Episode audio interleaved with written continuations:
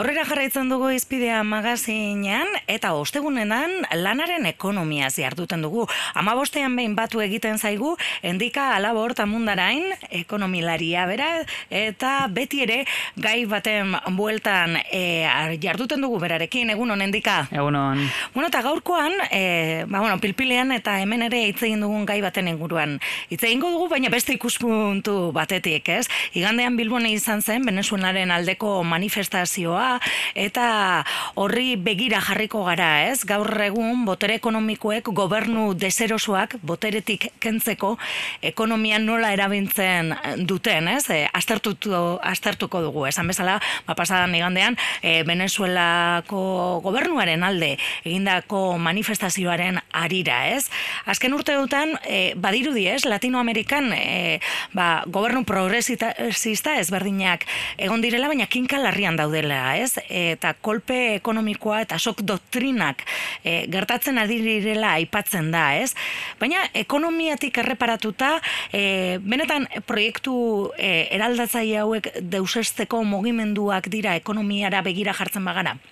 Bai, e, oso interesgarri da ba, ikustea prozesu hauek eta ekonomiren ikuspuntutik, ez? Nola emoten diren hainbat aldaketa, hainbat gertaera, ez da inflazioa, gero dauzela eraso ekonomikoak gero komunikabidetan ba, ateratzen diguzten ba, argaziak, ez da, ba, ez dagoela supermerkatuak, supermerkatuak utzi dauzela eta bar, Bueno, ba, bai, edabideetan ematen ari diren e, irudiak etengabeko borrokak dira eta etengabeko gabez e, gizarteak bizi izan dituen etengabeko gabeziak dira. Bai, eskazia, ez da, ba, bai. ba, bueno, Venezuela pasatzen ari duen ba, egoera oso ohiko izan da, azkutxinez azken en urteotan.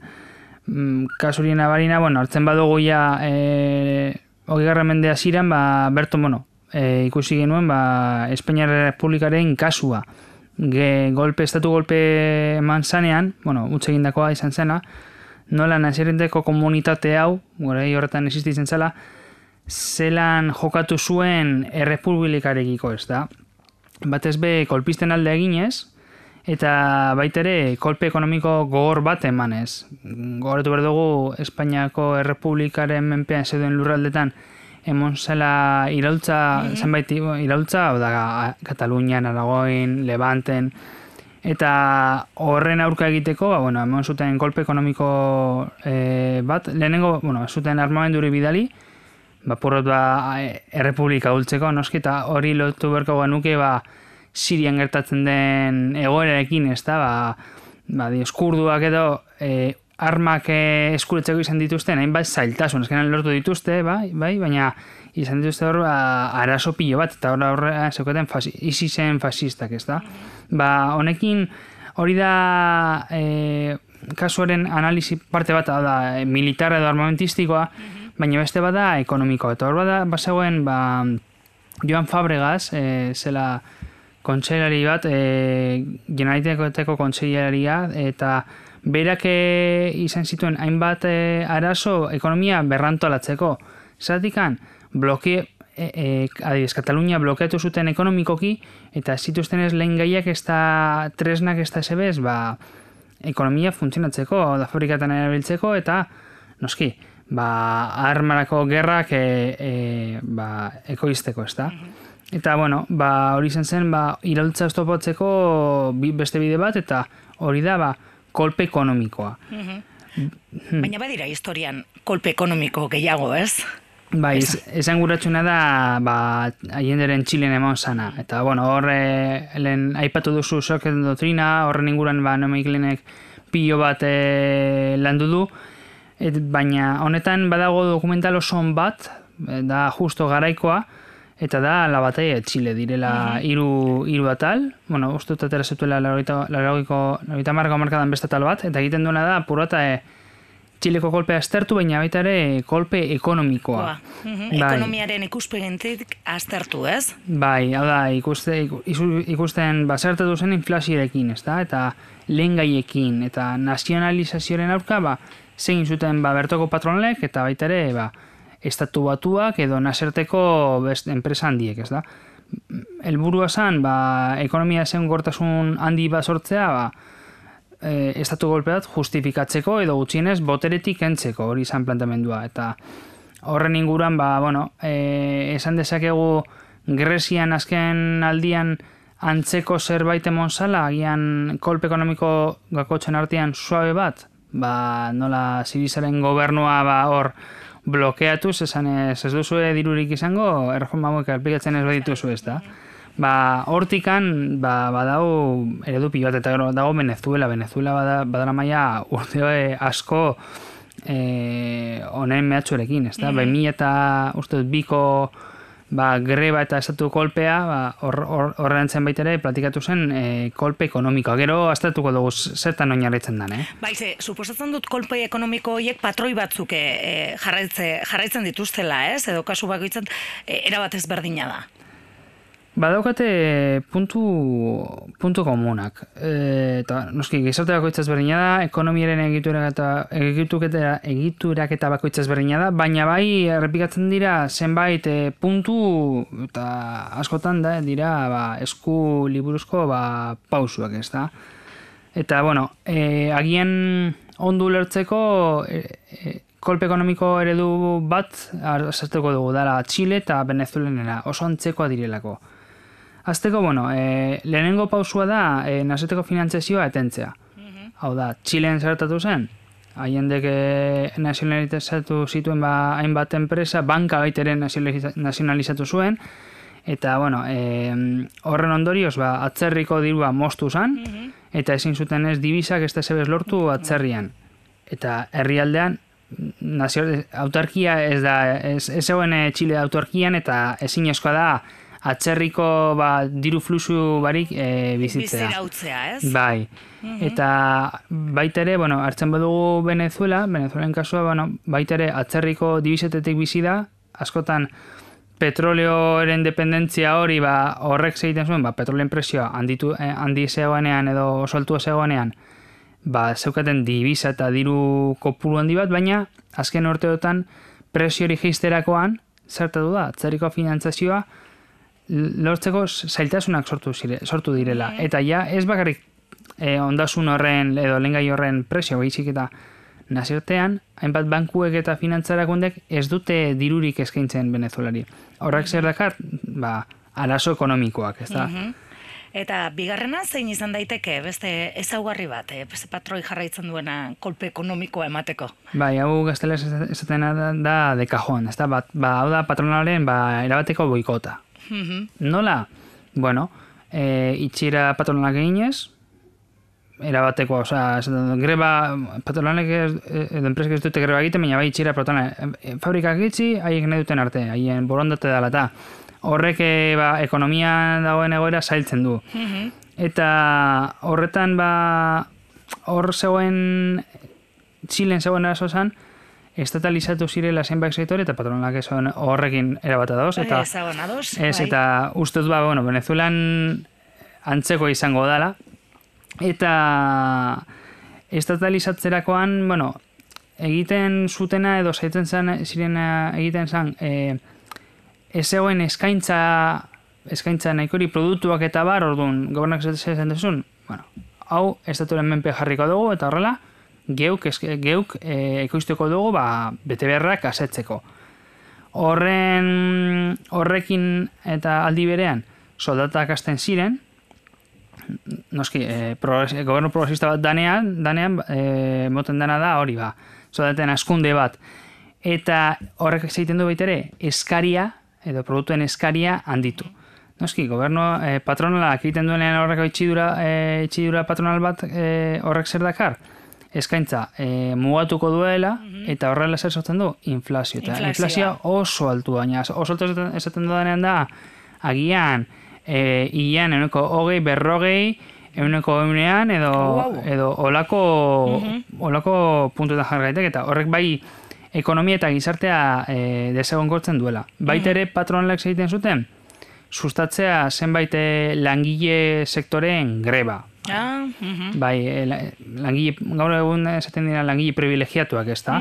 Edo botere duten langile, bueno, eh, haien soldatak handitzeko, ba, sustatzen dute haien arteko greba. Eta hori txilin izan zen kupre, kupreren kasua. Kupreko langileak egin zutela greba, e, diru gehiago e, do soldata handi, soldatak handi, handitzeko, baina hori zinezkoa zen momentu horretan. Eta horrek zer egiten dut, ba, patronalen ja, e, jarrera horrekin, ekonomia apur bat e, deskontrolatzen du. Mm -hmm. Erabat deskontrolatzen da. Eta horren aurren gobernuak ez dauka ba, eskusartze handirik. Hori da, mm ba, bigarren kasua, oso nabaria da. Mm Eta hirugarren kasuz ez zer aipatu dezakegu gendika? Bai, batez be espekulazio eta eta metaketa orokortzea. Mm, eskazia, bueno, teorian lehen aipatu dugu, ez da, ba, eskaintza e, ez dela nahikoa eskaria asetzeko, produktuen eskaria, eta e, orduan badaukera bat, merkatu, betza, merkatu beltza sortzeko, normalean, inflazio garaietan, ba, presioak erregulatzen e, dira, zanez, ba, ogieren presioa izango da euro bat, eta listo. Ez da egun ez egun aldatuko. Eta orduan zeiten dute zertatzen da gara e, gore horretan, ba, bueno, espekulazio moten dela, merkatu beltzera e, koizpenenen parte bat bidaliz, adibidez, mm -hmm. ogiak. Bueno, merkatu orokorrean, euro bat balidu, baina, bueno, merkatu beltzen agian, merkatu orokorren ez dago zenez ja hori nahikorik, guk gorde dugu zen bat ogi, ez dakite zein bildegian, eta gero salduko dugu, bi euro edo iru euro batik eta horregatik metaketa. Eta hori ikusi izan baitzilen, e, egin zirela hauso hauso zenbait e, kuadrilla mhm. bilatzeko espekutelatzaileak eta haien biltegiak eta pilo bat lor, e, bai, bai, bai, eh, izugarri izan zen. Bai, eta baita ere venezuelan ikusi da. E, ikusi izan eskazia dagoela eta alde batetik e, luzuzko produktuetan ez zegoen eskazirik eta gero e, ikusi da nola dela, badu dela espekulatze pilo bat hainbat pro, oinarrizko produktuak metatzen dituztela e, diru izugarri irabasteko mhm. eta horrek baita ere ba, bueno, egiten du ba, alde batetik ba, presioak artifizialki ba, bai, oso altu pustu eta eskazirgin jokatu. Mm eta azkenian ba, aurre... Ez egon kortasuna sortu bai, Eta helburua da, da, gizartea e, gobernuen aurka jartzea, esan ez, ba, gobernu da horren erantzulea, horren aurka horrek badoka e, erro guztia, eta hori izan litzateke, bueno, irugarren ba, ezaugarria. Hmm. Eta laugarren giza ere zein aipatu genezake, kasu ezberdinetan eman izan dena? Bai, bueno, e, lehen aipatu dut itxira patronalak eta grebak, e, baina hemen gustatu litzateke aipatzea zenbait sektore estrategikoak e, bereganatzen e, dituztela adibidez, e, Venezuela izan zen 2002an petrolio sektorea, erdi pribatua zela eta orduan egin zutela greba puro da herrialde itotzeko, eta Txilen e, izan zen garraio sektorea. E, garraio sektorea ziren, bueno, esango dugu, autonomoak edo edo lakoak ez da, edo, eta orduan egin zutela izan zen garraiolari greba, e, horrela herrialdea gelditzeko eta basokan beren eragina. Noski, herriek eh, bereien estrategia bietu zituzten, eta ez txilen e, ikusi izan nola ba, herriek hartu zituzten lakamioiak, eta bueno, ez dela autobusik, ba, gure autobusak jarriko ditugu, mm -hmm. Eta, bueno, Venezuelan beste historia bat da. Eta, bueno, labur bilduz, ba, bueno, hau gizan ditezke lau, lau esorri nagusienak. Eta guzti honetatik zer ikasi dezakegu, e, nahi dute esan, ez? E, kolpe ekonomi hau, ekonomiko hauetatik, ze ondorio atera dezakegu, zer ikasi dezakegu? Bai, e, bueno, azteko badauz kolpe oso leunak, adiez, mm. leunak beti kakotzen artean, leunak esan dut bilioentzearen partetik, eh? Mm e, bat izan zen, ba, bueno, e, ekialde Europan emozan koloretako iraultza, hori 2000 eta bimila, bai, azien, bimila eta lau, bos, zei, bai.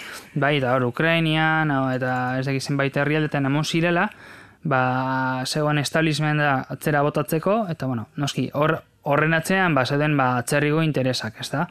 Baitere daukagu, ba, beste kolpe ekonomiko suabe bat dela 2000 eta marren, e, bai, Espainiar e, estatuan emandakoa, ba, hor egon zan Zapatero, bere momentuan, esan oso progresista zentzu ekonomikoan, baina bai e, ezuela e, banka nazionalizat, bueno, banka reskatatu nahi eta bar, eta hor e, heldu ziran esateko finantza moneta eroparatasunak eta bar, eta batzar batean esan zioten ez. Mhm. Lehentasuna da zorro edentzea hori konstituzioan sartu eta hementik aurrera murrizketa pilo bat egin behar dozuz. Eta bueno, e, hori... hori kolpe bat da. Kolpe bat da, eta hori bimia, eta berak onartu du bere memoritan. Ba, Ondoren onartu du. Bai, esan ziotela eta horretik egin zuela e, sartu zuela konstituzioaren e, ba, tartetxo hori, e, reforma hori, eta gero, ba, no, e, autoskundoak aldu. Batez be, ba, geure pura begiratuz. E, planteto berdugu gero buru, hemen, ba, subirautza ekonomikoa biatzen badugu eta blako proiektu baten alde egiten egiten badugu gure herrialdean, ba, noski, e, lau gutxinez lau elementu hauek kontutan hartu mm ditugu, ba, bere ze zer autonoma subiranoa e, proiektu bat bilatzen bada Euskal Herrian, ba, txenengo dira enbait interes e, hori e, ez emateko.